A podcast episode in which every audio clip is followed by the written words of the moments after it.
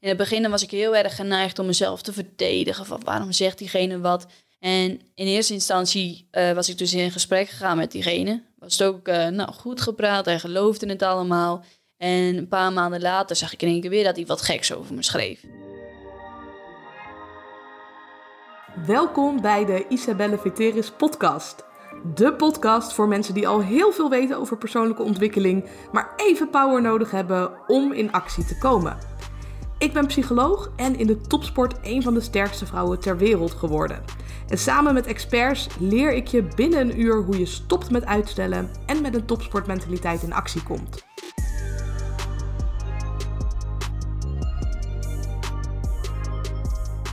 Ik zit hier uh, met Jeline. En voor de mensen die jou nog niet kennen, zou je in het kort iets meer over jezelf willen vertellen? Ik ben Jeline Brands, 22 jaar, kom uit Turk. Eigenaar van de Cow Academie en de Money Mastermind. En ik heb uh, ja, 20 plus Cash Cow channels en ik doe nog wat dingen daarnaast. Ja, lekker uh, ambitieuze, drukke ondernemer. Ja, dat zeker. Ja, en had je als klein meisje ook de droom om te gaan ondernemen? Nee. Wat wil je worden? Ik had uh, tegen mijn ouders altijd gezegd van nou, ik wil uh, net als mijn oom worden. Die was rijk. En dat was het. Ja, ja, ja ik ook. Dus, ik wilde piloot worden, want dan verdiende je heel veel geld en dan kon je de hele wereld zien. Oh ja. Maar dat is uiteindelijk niet geworden. Maar ik heb wel ongeveer die droom behaald. Ja, komt in de buurt. Precies, precies. Want je bent eigenlijk, enerzijds hadden we het net al over de gebaande paden gaan bewandelen. Je bent gaan studeren. Hoe ben je op het ondernemen gekomen?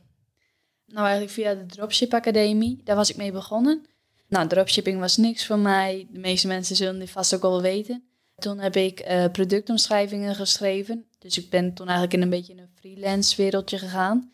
En ja, toen daarna toen heb ik dus wat vermogen opgebouwd. Toen ben ik gaan investeren in onder andere cash cow channels.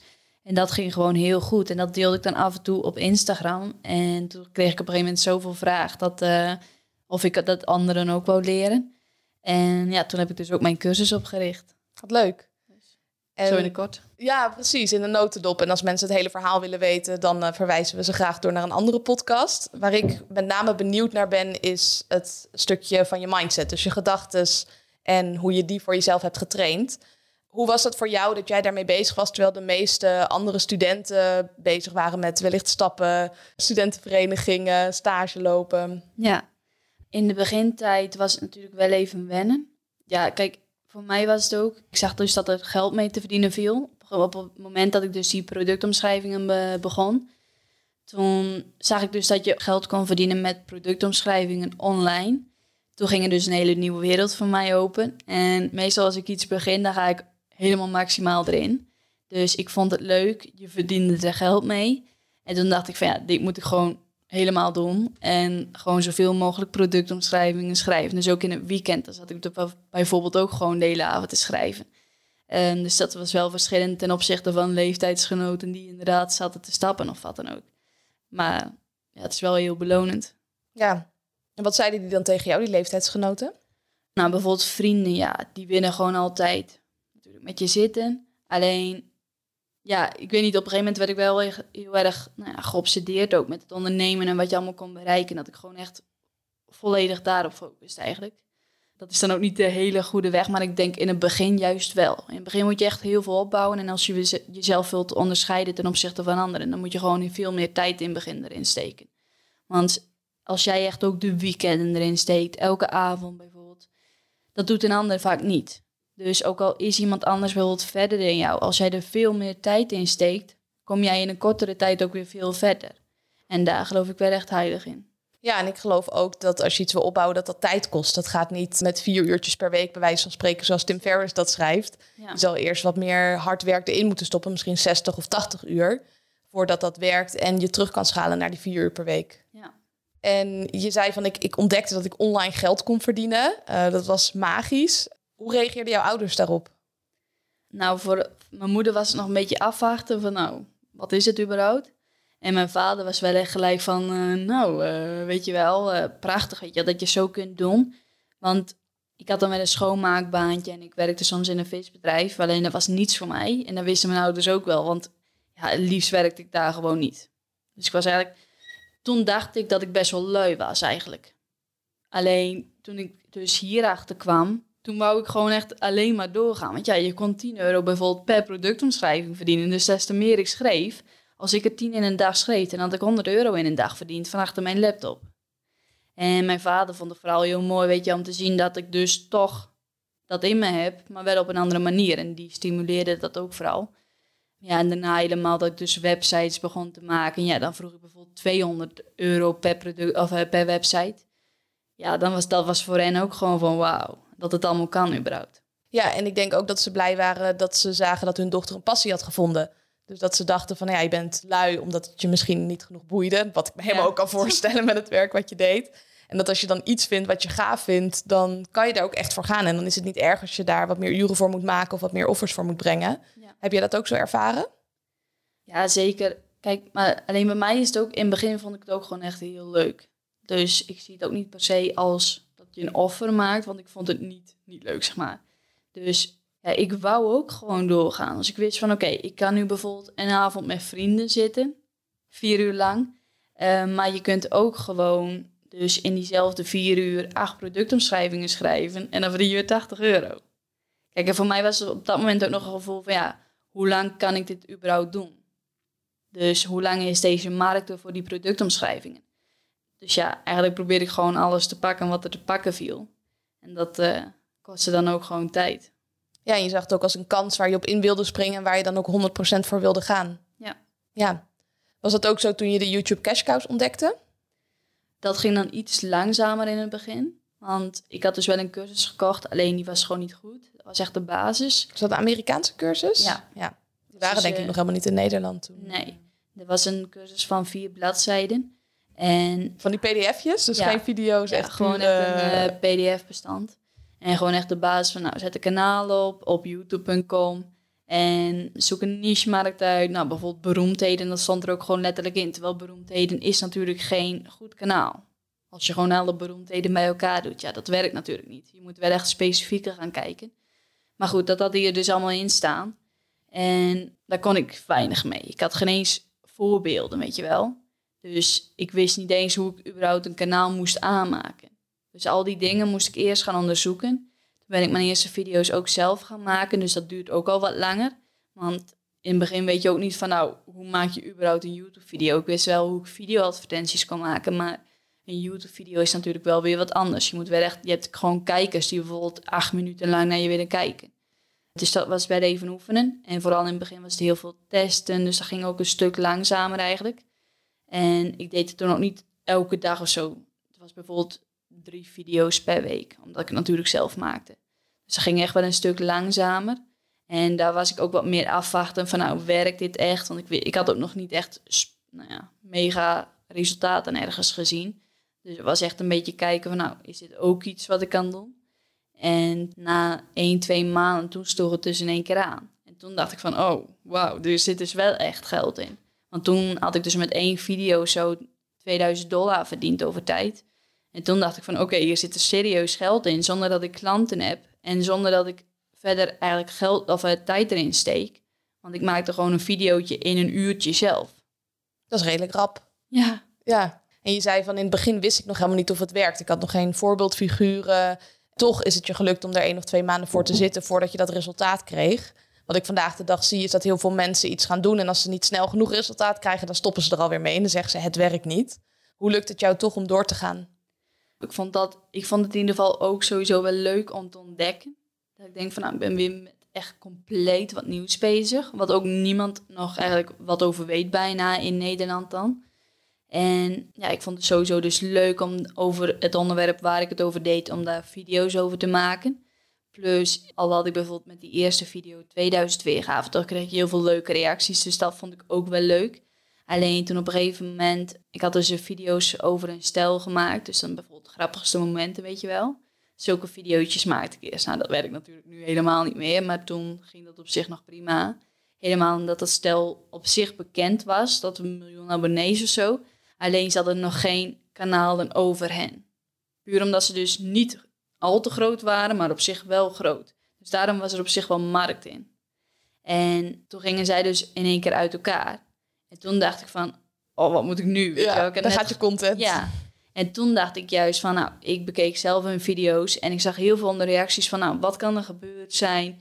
Waarom zouden ze, nou ja, het overgemaakt hebben? Weet je wel, zulke vragen. En toen dacht ik van, nou, misschien kan ik wel alle speculaties die er gezegd worden in één video stappen van, nou, dit zou gebeurd kunnen zijn, dit kan gebeurd zijn. En eh, daar een video over maken. Dus ik had echt een video van, nou, why did they break up? Ja, een hele goede titel. Zoiets uh, met, uh, met die stelnaam, weet je wel. En toen had ik dat geüpload. Ik was echt, ik was dan op vakantie of zo en ik was dan twee uur s'nachts bezig met die video editen, weet je wel. En toen had ik dus online gezet, gelijk gaan slapen en toen s ochtends werd ik wakker met 200.000 weergaven op die ene video. Toen snapte ik in één keer waarom een video aanslaat überhaupt. Het moet echt nog wat spannender ook zijn. Kijk, grappigste momenten is niet... Ja, als ik dat zie op de homepage, daar klik je niet zo snel op. Stel dat je over, eh, nou, een bekende Nederlander is bijvoorbeeld Gio en Jedana bijvoorbeeld. Stel dat je over hen een video maakt, grappigste momenten, ja, daar klikt niemand heel snel op. Maar stel dat je een video hebt over dat uh, gaat of wat dan ook. Ja, als iemand dat, dat op de homepage ziet, dan klikken ze veel sneller natuurlijk. Het heeft veel meer met sensatie te maken. Ja. Ja, en daar ligt dus echt een beetje die tactiek. Dat je dat goed gaat snappen van oké, waar klikken mensen op? Hoe kan ik dingen het beste formuleren? Hoe ziet iets er aantrekkelijk uit bijvoorbeeld? Ja, alleen ik denk ook op het moment, eh, ik ben natuurlijk voormalig topsporter en iets wat ik veel deed was mezelf filmen. Dus dan kon ik mezelf terugzien en dan kon ik ook zien wat ik fout deed. Bij YouTube weet je niet altijd waar het aan ligt, denk ik. Hoe kom je dan achter die feedback voor jezelf? Nou, je hebt natuurlijk wel natuurlijk de gegevens die je ziet klikfrequentie, de weergaveduur. En aan de hand daarvan kun je op zich nog wel zien wat je goed en fout doet. Al is dat ook niet altijd heel accuraat. Alleen ja, het is gewoon video's maken met gewoon alsnog die sensatie en kijken of het aanslaat. Niet alles zal aanslaan natuurlijk. Precies. Zo'n kwestie van testen waarschijnlijk. Ja. ja. Dus dat was jouw allereerste kanaal. Wat ben je toen gaan doen? Ja, toen ben ik me natuurlijk gewoon meer in gaan verdiepen van nou, uh, dit heeft voor dit kanaal gewerkt. Hoe kan ik dit weer toepassen op andere onderwerpen? Dus nu deed ik het over een stijl. Hoe kan ik dat bijvoorbeeld de volgende keer over andere beroemdheden doen? Over een ander onderwerp bijvoorbeeld. En zo ben ik echt doorgegaan. Ja, en nu heb je meer dan 20 kanalen. Ja. En de cursus zijn net meer dan 1700 mensen die het volgen. Ja. ja. Wat maakt jou denk je anders dan de anderen? Is dat geluk? Is dat toeval?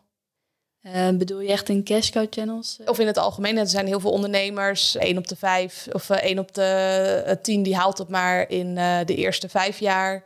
Dus veel ondernemers die, die redden het niet of die komen net aan rond. En als ik kijk naar de meeste ondernemers en jou, dan ben je behoorlijk succesvol. Dankjewel. Niet alleen op zakelijk vlak, maar ook privé vlak. je hebt volgens mij een goede relatie. je bent sportief. hoe krijg je dat voor elkaar voor jezelf? Ik denk als ik het ook vergelijk bijvoorbeeld met studenten in mijn cursus, wat we daar ook juist zien is dat de mensen bijvoorbeeld die echt een stuk creatiever zijn, dat die het bijvoorbeeld alleen aan de hand van de cursus al kunnen doen. Terwijl sommige mensen hebben echt dat handje nodig. En ik denk voor mijzelf, als ik kijk, ik kon dus al met een document van vier bladzijden, kon ik eigenlijk mijn eerste succes, succesvolle kanaal opzetten. Dat is juist omdat ik dus ook gewoon zelf al ging testen, ondanks dat ik niet alles wist. En heel veel mensen hebben gewoon van, nou, stel dat zij dus dat documentje hadden gekregen. Nou, dan waren ze gaan klagen bij diegene. Van ja, ik heb niks gekregen, bla bla bla. En dan hadden ze gewoon weer gestopt, want ze hebben niet genoeg informatie. Of ze hadden het misschien wel op zijn manier geprobeerd en dan is het uiteindelijk gefaald alsnog. Omdat ze dan tunnelvisie hebben van oké, okay, beroemdheden kanaal moet je beginnen. Dit moet je doen. Nou, dan had het dus misschien... Dus denk je zelf niet na. Ja, en dat is voor de meeste mensen een probleem. Weet je wel? Dat ze niet voor zichzelf nadenken, maar ook niet creatief zijn. Kijk, wij zeggen bijvoorbeeld ook in de cursus van ja, kies een niche-markt uit en dan geven we er allemaal tips bij. En dan heb je natuurlijk een heel groot percentage wat het helemaal zelf kan. Wat echt bijvoorbeeld nou, op vijf ideeën komt van nou, dit kan ik starten, dit kan ik starten. Maar je hebt ook mensen die bijvoorbeeld na een jaar nog zeggen van ja, kun je me alsjeblieft helpen met een niche-markt kiezen, want ik weet het niet. Dan denk ik, nou, kom op. Weet je, na een jaar moet jij echt wel een niche-markt hebben uitgekozen. Na een dag kan dat zelfs al. Misschien dat je dan nog iets meer denktijd nodig hebt, maar het kan geen jaar duren. En dan denk ik, of je wilt het zelf niet graag genoeg, of het past gewoon niet bij je, of je bent gewoon niet creatief. Ja. En ik denk echt wel dat iedereen creatief is, maar ze moeten dat zelf ook willen. En sommige mensen die willen een programma kopen bijvoorbeeld, en die verwachten dat ik nou, eigenlijk alles al voor hun doen. Terwijl eigenlijk geef je ze alle stappen al. Ik denk dat dat echt een verschil is. Ja, dat denk ik ook. En wat ik vaak terugzie, ik werk natuurlijk met mensen op het mentale vlak, dus ik mag dat ook helemaal bij ze uitvragen. Dat mensen heel bang zijn om te falen. En dan kopen ze een programma om de slagingskans zo hoog mogelijk te maken. Maar op de vlakken waarin ze dan kunnen falen, doen ze er alles aan om dat maar niet te doen. En dat begint denk ik al bij het maken van een keuze in welke niche-markt je gaat ja, zitten. Ja, omdat ze allemaal bang zijn van ja, wat als het niet lukt met deze niche-markt? Is hij wel goed genoeg? Heeft hij wel genoeg potentie? Terwijl dat ik begon, dacht ik gewoon van nou, dit wordt mijn eerste testkanaal. Dus ik ga gewoon kijken hoe werkt uploaden? Hoe kan ik een kanaal maken? Hoe krijg ik mijn eerste kijkers? Nou, mijn eerste titel zag er ook niet uit.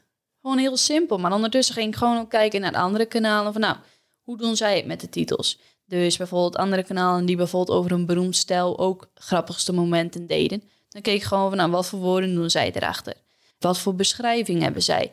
Wat voor soort video's maken zij? En dan maak je die stapjes. Terwijl sommige mensen denken, oké, ik wil met cash cow channels beginnen. Nou, dan stopt het eigenlijk al. Ik weet niet waar ik moet beginnen. Ja. Terwijl eigenlijk moet je gewoon bedenken, oké, eerst een YouTube-kanaal, YouTube-video's uh, erop zetten. Ga je zelf video's maken of een team video's laten maken. En dan kijkers krijgen. Terwijl mensen kunnen vaak niet in die stapjes denken. Ja, en dat, ik denk dat dat vaak ook het probleem is. Ja, en ik denk dat ze ook al bij het eindresultaat willen zijn. Dus ze denken meteen van oké, de keuze die ik nu maak, die moet leiden tot dat cashcow kanaal wat mij duizenden of uh, misschien tienduizenden euro's op gaat leveren. Dus dan maak je die keuze ook veel te groot. In plaats van dat je het als een proces ziet waarin je mag oefenen en leren en groeien. Ja. En dat is. Uh... Ja, het is net als met de podcast starten bijvoorbeeld.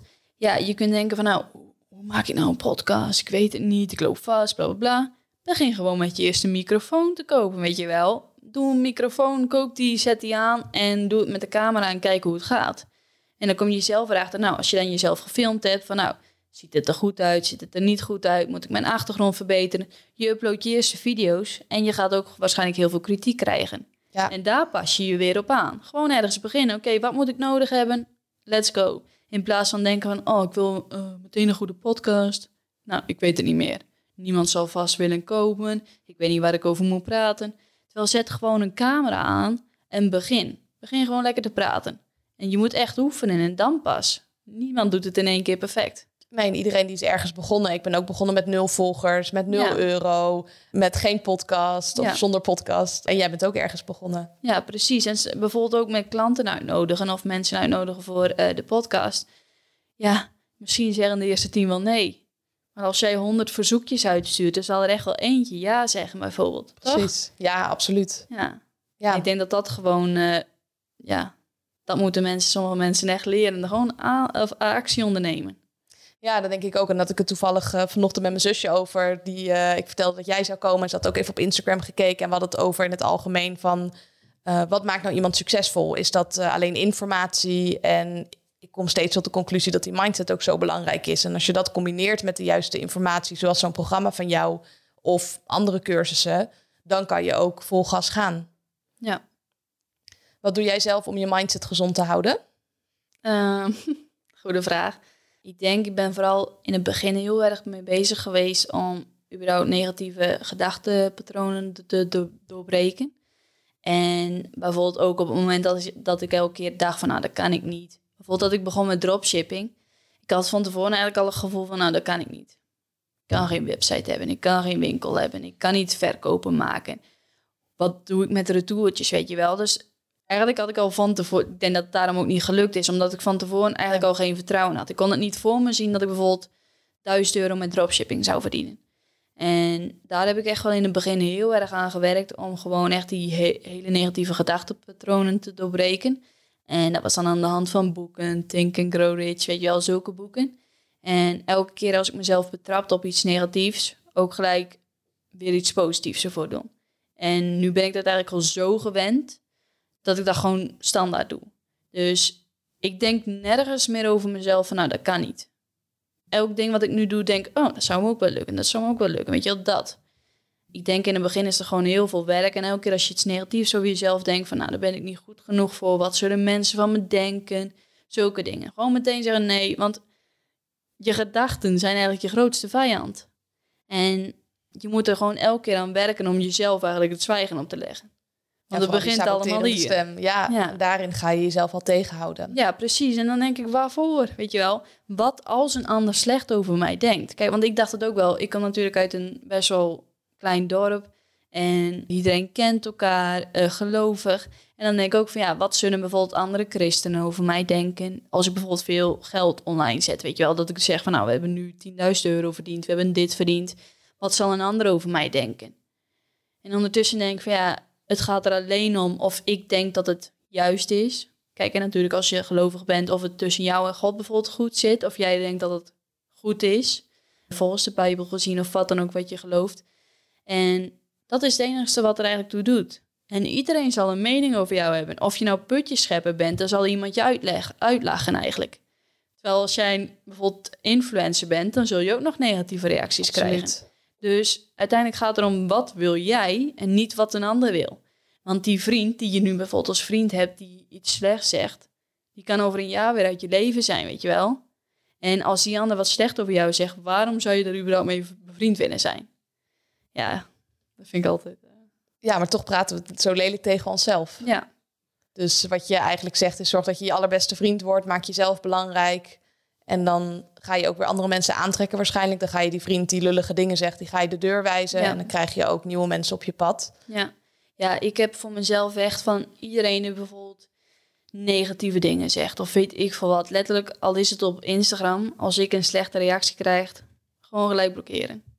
In het begin was ik heel erg geneigd om mezelf te verdedigen. Van waarom zegt diegene wat? Bijvoorbeeld ook als iemand uit mijn dorp, bijvoorbeeld in het begin dat we dus gelanceerd hadden, de Cash Cow Academie, had iemand uit mijn dorp gelijk gereageerd van ja, piramidespel, dit, dat. En in eerste instantie eh, was ik dus in gesprek gegaan met diegene. Was het ook eh, nou, goed gepraat, hij geloofde het allemaal. En een paar maanden later zag ik in één keer weer dat hij wat geks over me schreef. Ik denk van ja, uiteindelijk heeft het geen zin. Als iemand wat wat over jou wil denken, dan blijft dat zo. En waarom zou ik dat moeten veranderen? Weet je wel? Ja, waarom zou je daar, al Ja. zou je het kunnen veranderen, waarom wil je daar je energie Ja, in stoppen? waarom zou ik dat doen? En dan denk ik uiteindelijk, wat boeit het als iemand die jij nooit in het echt zult spreken, wat slechts over jou zegt? Dus die blokkeer ik gewoon meteen. Dan denk ik, ja, doei. Ja, Dat hoef ik niet. Ik hoef, geen, ik hoef gewoon echt geen negatieve energie meer bij me te hebben. nee, gewoon meteen blokken. Ja, Ja. En je, je zei al van, hè, dan krijg ik berichten zoals het is een piramidespel. Dus dat gaat over je product inhoudelijk. Zijn er negatieve reacties voornamelijk ook daarover of ook over andere dingen? ja, ligt er net aan wat voor content je erop zet. Kijk, ik krijg bijvoorbeeld ook van andere christenen kreeg ik pas een reactie bijvoorbeeld van ja, je mag niet meer verdienen dan dat je nodig hebt. Weet je wel, zulke reacties. Of dat ik nou ja, arrogant ben omdat ik dus bijvoorbeeld bepaalde resultaten laat zien. Ja, van alles. Soms krijg je echt de domste reacties. Weet je wel, ik had bijvoorbeeld pas dus die eh, tas gekocht. En dan reageert er iemand van ja, een eh, lelijk ding, dat kun je niet mooi maken met een, eh, met een parel of zo, weet ik Oh, veel. ja, ja. Zoiets dat ik echt denk van ja, je hebt een nep-account en dan ga je zo onder mij reageren. En online durven mensen ineens veel meer Ja. te zeggen ik dan denk, in het echt heeft nog nooit iemand slechts tegen mij Nee. gezegd. Dan denk ik echt van ja, rot toch op, weet je wel. Daar ben ik echt nu heel makkelijk in begonnen. Terwijl vroeger dat wel, nou, dan kon ik echt nachtenlang huilen als iemand wat slechts had gezegd. En nu ben ik er eigenlijk zo overheen gekomen. Ja.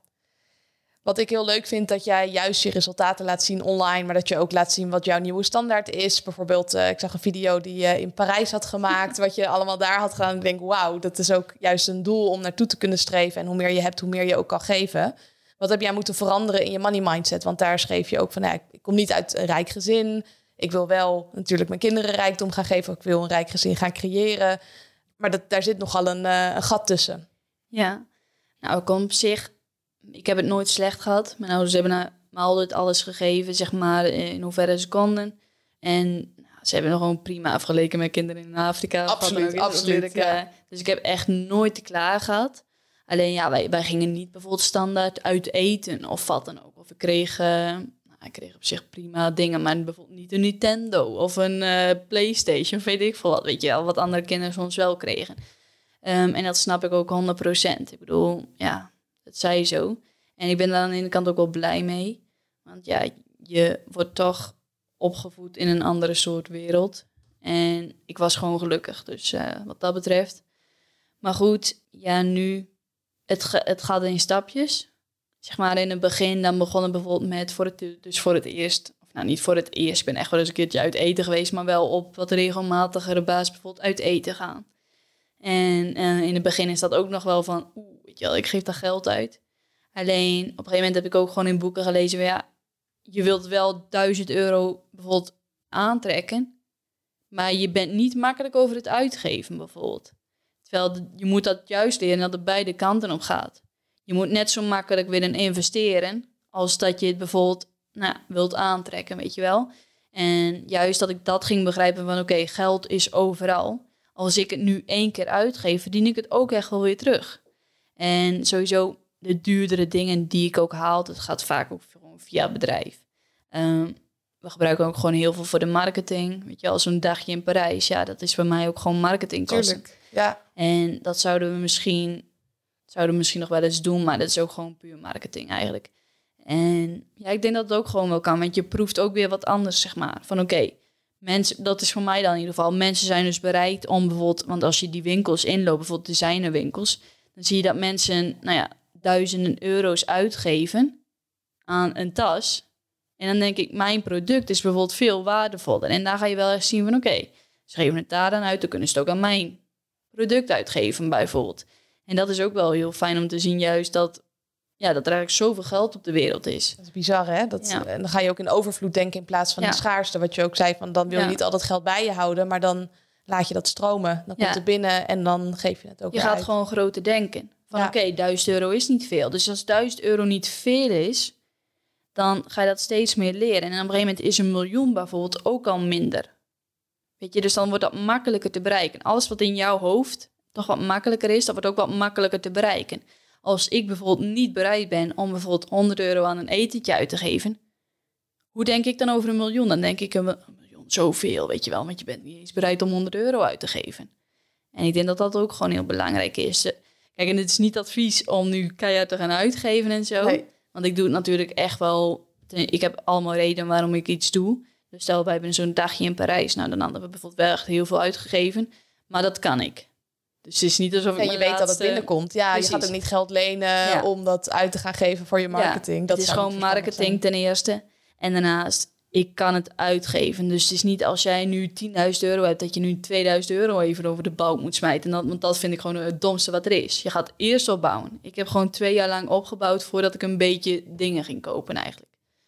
Dus dat is wel echt uh, belangrijk. Heb je daar ook een bepaalde strategie voor voor jezelf? Dat je dat bijhoudt? Bijvoorbeeld 10% investeer je, een x-bedrag geef je uit? Of... Nee. Nee. Nee, weet je, ik hou wel gewoon bij van, nou, hoeveel geld hebben we? Waar zit alles in? Dat wel. Alleen, ik ga niet mezelf aan de bandjes leggen van, nou, we mag maar 10% naar investeren gaan. Als ik nu een goede investering zie, dan ga ik daar gewoon geld in stoppen. En ik zorg altijd dat ik gewoon genoeg geld op de bank heb. Ik denk dat ik misschien, in ieder geval, laat maar zitten. Uh, kijk, ja, ik, ik hou ervan om, om alsnog wel veel op de bank te hebben ook. Het is niet alsof ik alles investeer. Want ik wil gewoon op het moment dat ik dus wel iets wil gaan doen, dat het ook gewoon kan. Ja, kijk, zoals een nu, kans op je pad komt. Ja, kijk, zoals nu, wij gaan dan ook verbouwen. Ons huis, nou, die hebben we al bijvoorbeeld voor 7 ton aangekocht. Dat moet nu voor 7 ton verbouwd worden. En dan is de vraag, hoeveel krijg je bijvoorbeeld van de bank? Maar dan moet je ook zelf weer gaan investeren alsnog. Want je, zeg maar, zij kijken tot wat zij denken wat de waarde van het huis zal zijn. En dan moet jij de rest gewoon aanvullen natuurlijk. Kijk, dus dan moet je dat ook gewoon op de bank hebben, cash, weet je wel. Dat je dat gewoon kunt afrekenen. Dus dat kunnen we ook gewoon makkelijk. En dat is ook gewoon heel fijn dat je dat in ieder geval gewoon kunt. Ja. Want de meeste mensen kunnen het niet zo'n bedrag bijvoorbeeld gewoon... van nou, dat hebben we onze rekening, dus het zit wel goed. Dus ja. Precies. En we hadden het al voor de opname een beetje over investeren. Ik ben zelf bezig met vastgoed, met crypto's. Uh, jij zei, ik investeer juist in andere verdienmodellen. Welke dingen doe je nog meer naast de cash cows? Nou, ik ben natuurlijk dus heel veel bezig met TikTok en Instagram. Het zit natuurlijk wel nauw met nou ja, de Cash Cow Academie en de Money Mastermind. Maar daar investeer ik eigenlijk ook wel weer in om mijn merk op te bouwen. Dus dat is ook weer iets op zich. Uh, daarnaast ben ik bezig met affiliate marketing. Sinds kort ook met bol.com. Ah, cool. Daar ben ik dan net mee begonnen. Ja, en dan producten inkopen en dan weer verkopen? Ja. Of, uh, ja. Inkopen, echt, ja. Ja. Ik ben ook benieuwd, wat het net al over de mensen in je omgeving. Is daar veel in veranderd sinds je bent gaan ondernemen en sinds je daar succesvoller in bent geworden? Uh, de mensen die dicht bij mij staan niet. Kijk, die zijn gewoon echt meegegroeid. Dus het is ook niet alsof je overnacht uh, in één keer uh, nou ja, miljoenen hebt bijvoorbeeld. Alleen ja, mensen die verder ervan afstaan wel. Zeg maar, ik had dan bijvoorbeeld vriendinnen altijd eh, vanaf, de, van, vanaf de middelbare, weet je wel. En die hadden bijvoorbeeld al een jaar niet gezien. Ze hadden me dan wel gevolgd op eh, Instagram en al.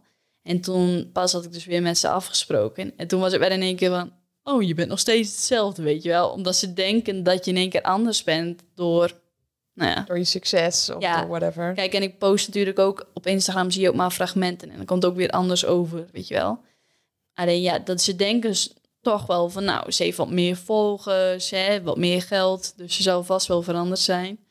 Maar dat valt op zich dus verder mee. Kijk, en voor de rest, ja, je merkt wel dat mensen, eh, ja, hoe zeg je dat? Kijk, als iemand, zeg maar, wat wij bijvoorbeeld op het even evenement hebben, ze zien je toch wel als een voorbeeld of zo. Kijk, en dat is wel even wennen, want eigenlijk ben ik voor het grootste gedeelte maar gewoon Jeline. Zeg maar, als ik met mijn eigen, nou ja, met mijn vriend zit of met mijn familie, weet je wel. En dan soms af en toe die momenten, dan ben je een keer wow, weet je wel. Dat een beetje. Dan zien ze ook wat je allemaal hebt opgebouwd. Ja.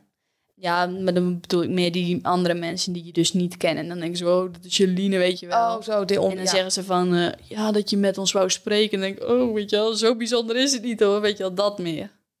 Ja, en je zei van nou, veel mensen zijn wel hetzelfde gebleven. Wat mij altijd opvalt is dat mensen een beeld vormen op basis van nou ja, de, social media bijvoorbeeld. En dan laat je dingen zien voor je bedrijf, maar dat is niet helemaal wie jij bent. Ja. Kijk, ehm tuurlijk, ik filter ook wat ik post. Ik post alleen als ik denk van, nou, dit is wel leuk. Al mijn volgers, dat ze bijvoorbeeld even kunnen lachen. Bijvoorbeeld, of het komt... Zeg maar, ik probeer de laatste tijd ook wat meer persoonlijke dingen alsnog te delen. Maar je ziet natuurlijk niet wie er echt achter zit. Kijk, dus dat is wel anders alsnog. En ja, kijk, op mijn vrouw kan ik bijvoorbeeld misschien wat arroganter overkomen. Als ik bijvoorbeeld zeg van, nou, ik heb mijn Chanel tas gekocht, weet je wel. Terwijl je zegt, ja, ik koop die tas en eh, that's it. Dus dat is, ja, dat is gewoon anders dan in tech natuurlijk. Ja, en ik denk ook het verhaal wat veel mensen zelf hebben. In Nederland denken we relatief negatief over geld, merk ik op. In Amerika moedigen we dat veel meer aan. Dat we denken, oh wat gaaf, ze heeft een Chanel-tas gekocht. En hier denken we, ja, is dat nou nodig? Doe maar normaal, dan doe je al gek genoeg. Ja, Is dat herkenbaar? En ja die, die reacties krijg ik ook heel veel. Van, eh, nou, wow, meid, toe, weet je wel, zulke dingetjes. En eh, schep maar op en weet ik veel wat. Ja. Dat is net zoiets dat ik denk van, ja, ik post dat juist ook, weet je wel, om te laten zien wat er allemaal mogelijk is. En hoe makkelijk geld eigenlijk is. Geld wordt altijd bijgedrukt. Het is gewoon, er komt elke dag bij. En mensen denken zo van, nou, mensen reageren dan ook van, ja, je had het beter anders kunnen investeren.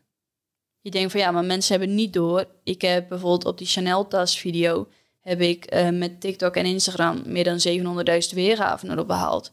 Stel dat 0,01% mijn cursus haalt, dan heb ik al bijna winst. Of Ja. dan heb ik al winst eigenlijk. Dat is hoe ondernemers kijken, maar de meeste mensen kijken niet zo. Ja, kijk, of een 0,1% als die het haalt, dan heb je 50 mensen. Nou, dat is dan weer 50.000 euro. Dus ik heb gewoon weer winst. En daarnaast, die tas, tuurlijk, die kost wel wat. Alleen, het geld komt er altijd weer opnieuw in. En zo sta ik er ook in. Alles wat ik nu weer uitgeef, komt weer in meerdere vormen naar me terug. En je moet ook niet alles voor jezelf houden, vind ik. Nee, zeker. En ik denk dat veel mensen ook kijken naar een tas of een auto of andere dingen als uitgaven. Maar ook dat kan een investering zijn. Ik Ja. ben bijvoorbeeld bij René van XXL geweest. En die heeft zijn hele garage vol met allemaal prachtige wagens staan. Maar die zijn ook in waarde gestegen sinds hij die had. En Ja. ook Chanel-tassen, als je de goede koopt, kan dat ook een investering zijn. Ja. In plaats van dus een uitgave. Ja, zeker. Ja. En als je zo terugkijkt op de afgelopen jaren, het gaat natuurlijk allemaal niet vanzelf. Welke tegenslagen heb je gehad? Eh, ja, klanten die niet betalen, weet je al, zulke dingetjes. In het begin vond ik dat heel lastig. Ehm, dan hadden ze bijvoorbeeld productomschrijvingen afgenomen, hadden ze die ook gewoon allemaal gebruikt, hadden ze omzet gemaakt. En dan betaalden ze bijvoorbeeld je factuur niet. Ja, dat was, was voor mij in het begin heel lastig, dat ik gewoon niet snapte van, oké, je was tevreden, je hebt ze gebruikt, je hebt gewoon geld verdiend en je betaalt niet. Weet je wel, hoe kan, zo, hoe kan iemand dat doen? Ja, Dat snapte ik niet. En dat was ook echt heel zielig. Want af en toe dan, dan huilde ik daar bijvoorbeeld zelfs al om in het begin. ik voel ook echt met je mee als je het zo vertelt. Ik denk, ach, dat is ook heel Ja. lullig. Dat was echt heel dramatisch. Oh. Dat was echt heel dramatisch. Maar ja, daar ben ik natuurlijk nu helemaal overheen. Want nu heb ik daar gewoon dagelijks. Weet je wel, dat iemand eh, bijvoorbeeld een termijn niet betaalt of wat dan ook. Dus dat, dat heb ik ook gewoon allemaal uitbesteed. Maar in het begin dan deed je al dat werk, weet je wel, zelf. En je had gewoon die persoonlijk contact met al die klanten. Dus dan is het gewoon in één keer van, hoezo kan hij niet hoezo reageert die bijvoorbeeld niet normaal op mij? Weet je wel, zulke dingetjes. Ja, mensen die toch wel misbruik van je maken. Bijvoorbeeld mensen die uh, coach bij je zijn geweest, weet je wel, en die toch in één keer een eigen cursus starten, zulke dingetjes, terwijl je vertrouwt diegene echt. Je hebt diegene ingehuurd en in één keer beginnen ze voor zichzelf. Ja, en de manier waarop dat dan loopt, weet je wel, dat is dan ook altijd, uh, ja, dat je, zeg maar, je komt er echt achter hoe sommige mensen kunnen zijn.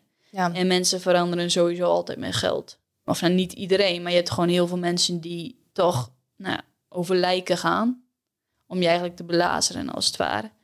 En daar ben ik wel echt heel voorzichtig mee geworden. Dat ik bijvoorbeeld niet meer alles deel. Zoals mijn YouTube-kanalen en zo. Dat deel ik gewoon niet meer. Want ik heb gewoon soms dat, het, dat de bijvoorbeeld beste vrienden van mij daar misbruik van maken. En dat is gewoon bizar. Je denkt van oké, okay, ik heb jou geholpen bijvoorbeeld, weet je wel. En nou, toch krijg je een dolk in je rug. Uh, ja, want aan de ene kant in de meeste ondernemingen geloof ik niet in concurrentie.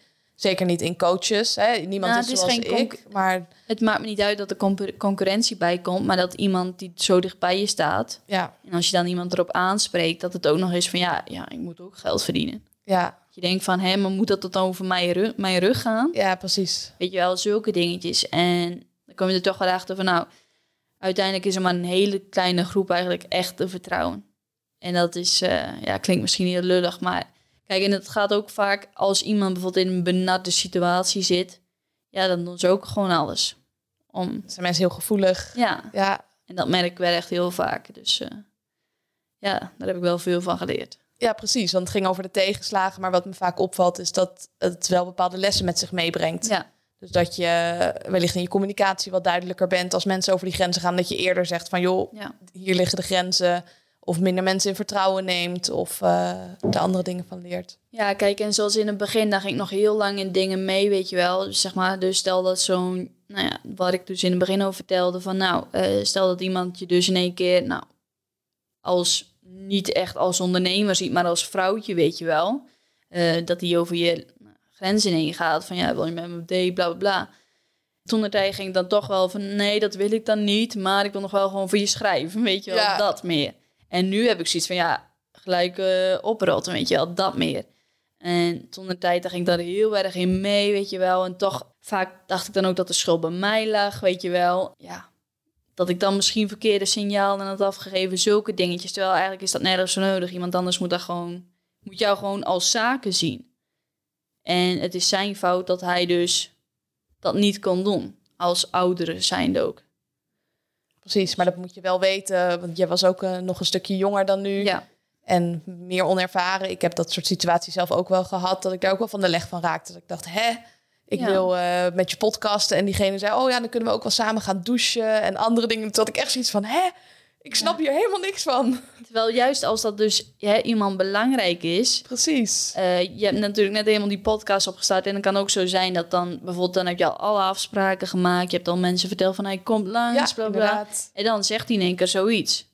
Ja, wat doe je dan? Ja, dan, dan moet je dus eigenlijk heel sterk wezen. Van nou, dat wordt hem niet meer. Ja. Terwijl dat is wel nadelig voor jezelf. Omdat iemand anders dus het gevoel had van nou, dit is nodig. Ja, en je hebt zelf het gevoel dat je voor lul staat. Dus ik heb uiteindelijk wel gezegd van... joh, dit gaan we niet doen, dit is niet mijn intentie. Maar dat duurde wel even een dag om te voelen bij mezelf van... hé, wat, wat gebeurt hier ja, nou? precies. Ja. Dus ja, dat is wel nadelig. Maar daar heb ik nu echt geen last meer van. Maar dat komt ook omdat ik me nu denk echt wel een stuk sterker opstel. Toen de tijd, ja, dan was je toch nog het ontdekkende... Zeg maar, je, je ontdekte nog een beetje dingen, weet je wel. Dus je was ook nog niet heel professioneel, weet je wel. Kijk, nu stuur ik standaard... Uh, nou, echt hele nette teksten, weet je wel. En toen de tijd dan is het toch wat meer gewoon alsof het vriendencontact is. Ja, zo voelen ze die ruimte ook. Ja, dus dan denken ze van nou, hier kan ik wel gebruik van maken. Kijk, en nu ben ik gewoon natuurlijk, ik heb zelf wel wat meer naam voor mezelf opgebouwd. Dus iemand weet ook van ja, als ik haar op zo'n manier ga benaderen, dan ben ik niet makkelijk. Dan zou ik je zo voor het blok zetten bijvoorbeeld. Van uh, jongens, wat, uh, wat doet hij nou weer, weet je wel, zoiets. Ja. Dus ik denk, uh, daar heb ik nu echt geen last meer van. Nee, dat is denk ik het belangrijkste, dat je er ook geen last meer van hebt. Je hebt al veel dingen gezien en daar creëer je ook een bepaalde... Tenminste, dat heb ik bij mezelf. Dat ik dan denk, ja, ik heb al een soort gelijk iets gehad... dus ik weet hoe ik hiermee moet dealen. Want dan reflecteer je erop. En dan denk je, joh, volgende keer zou ik het anders aanpakken. Ja. Ik ben ook benieuwd bij jou. Je bent nog jong. Als je naar de toekomst kijkt... en laten we dan zeggen de komende vijf jaar... welke doelen zou je nog willen bereiken? Deze vraag wordt ook altijd gesteld. Ja? Ja, ik heb, eh, ik heb dat eigenlijk niet. Nee. Dat zeg ik altijd. Zeg maar, zoals nu begin ik bijvoorbeeld met bol.com. En dat is eigenlijk heel spontaan de laatste maand opgekomen. Ik denk als jij echt doelen stelt van nou, dit wil ik eh, over vijf jaar met dit bereiken. Dan geef je jezelf niet die ruimte om toch meer te doen bijvoorbeeld. En ik denk dat dat juist sterk is van stel dat jij zegt van nou over vijf jaar wil ik eh 100 miljoen hebben. Terwijl stel dat je nu in één keer wel het vindt waar je bijvoorbeeld in een jaar 100 miljoen mee kunt krijgen. Weet je wel, dan sta je er misschien minder voor open. Ehm, dus ja, ik, wil, ik hoef mezelf daarin geen druk op te leggen. Ik kijk gewoon eigenlijk een paar maanden vooruit. En daar houd ik erbij. Ja, dus je wil jezelf niet belemmeren door een doel te stellen Ja. dat eh, je jezelf of klein zou houden. Ja. Of wat mijn ervaring ook is, dan heb je bijvoorbeeld als doel gesteld om iets een jaar te gaan doen. Maar ja, als het niet leuk is, of je hebt heel veel weerstand, of het werkt niet helemaal, dan wil je er Ja. ook niet door mee blijven gaan, omdat je het voor jezelf had bedacht. En dan kan natuurlijk van alles veranderen. Weet je wel, kijk, ik ga ze, nou ja, over misschien een jaar of een half jaar ga ik trouwen bijvoorbeeld. Ja, stel dat je over twee jaar of drie jaar een kind krijgt, is het ook weer anders, weet je wel. Dus er kan van alles gebeuren altijd. En daarom wil ik mezelf nooit aan de banden liggen eigenlijk. Ja. Ik ben ook benieuwd bij jou, misschien is vandaag een, een andere dag dan normaal, maar hoe ziet een doorgaande dag in jouw ondernemersleven eruit? Elke dag eh, is echt verschillend. elke dag weer Ja. anders? Nou, ik probeer gewoon vaak gewoon naar het kantoor te gaan. Alleen kijk, zoals een dag van vandaag, ja, dan heb ik weer wat anders ingepland. Alleen ik probeer het meeste wel op kantoor te zijn. En dan kijk, zeg maar, ik heb gewoon altijd de takenlijst voor mezelf. Nou, stel dat we bijvoorbeeld weer nieuwe kanalen op starten, dan begin ik daarmee. Alleen zoals de laatste week heb ik heel veel één op één calls gehad, weet je wel. Dus elke dag ziet er echt helemaal anders uit. En dat vind ik ook wel fijn, dat je gewoon echt elke dag nieuwe prikkels zet. In plaats van dat je elke dag bijvoorbeeld alleen met cash cow channels bezig bent. Ja, dat gaat dan vervelen. Ja. En buiten je werk om, heb je daar wel bepaalde routines in voor jezelf? Heb je vaste trainingsdagen of vaste werktijden? Nee, ook niet echt per se. Kijk, soms dan voel ik gewoon van mezelf aan van nou, wat ik vaak doe is gewoon rond een uur of acht naar werk gaan. Soms doe ik dan bijvoorbeeld een miracle morning, weet je wel. Dat vind ik ook wel fijn. Alleen de laatste tijd is dat iets minder. Nou, doe ik dat iets minder omdat we nu net van een roadtrip terug zijn, weet je wel. Dus ik ga mezelf niet elke dag pushen van nou, nu moet ik weer om vijf uur opstaan. Dus dat ga ik misschien binnenkort wel weer doen. Alleen nu ga ik dus om acht uur naar kantoor. En dan meestal ben ik, of ik ga gewoon rond de lunchtijd naar huis. Dan eet ik gewoon thuis. En nou, dan kan het zijn dat ik weer naar kantoor ga. Of dat ik gewoon even thuis blijf. En soms blijf ik bijvoorbeeld, de hele dag op kantoor. Ligt er net aan ik me voel. Dus eh, Mijn eh, luisteraars van de podcast zijn veel ondernemers. En ondernemers die dan een eigen bedrijf hebben. En je hebt er bewust niet voor gekozen om zelf op video te komen, maar om juist die cash cows te gebruiken. Zou jij voor de meeste mensen eerder aanraden om hun eigen kanaal met hun gezicht te starten of juist om een cash cow te doen? ja, het zijn twee compleet verschillende dingen natuurlijk. Als jij echt voor je bedrijf bezig wilt gaan, dan zou ik met gezicht doen. Veel persoonlijker als je echt mensen wil binden aan jouw bedrijf. Wil je gewoon investeren en geld verdienen, ja, dan moet je gewoon beginnen met cash cow channels. Ja, dus eigenlijk allebei doen. Twee losse strategieën Ja. zijn het, hè? Ja, Ja, het is eigenlijk niet te vergelijken. nee. Hartstikke bedankt eh, voor het interview. Graag gedaan. Yes. Hartstikke leuk dat je naar deze podcast hebt geluisterd. Mochten we nog niet connected zijn, volg me even op Instagram, @isabellelifts of download even mijn gratis e-book met meer dan 50 tips over mindset via isabelleveteris.com. En ik hoor ook heel graag wat je van deze podcast vond. En dat kan je doen door even een screenshotje te maken van eh, de podcast zelf, via Instagram even te delen wat je ervan vond en mij natuurlijk even te taggen. Want als topsporter kan ik alleen maar leren van feedback en hoor ik ook heel graag wat je ervan vond. En eh, ik wens je ook een hele fijne dag en dankjewel voor het luisteren en tot de volgende keer.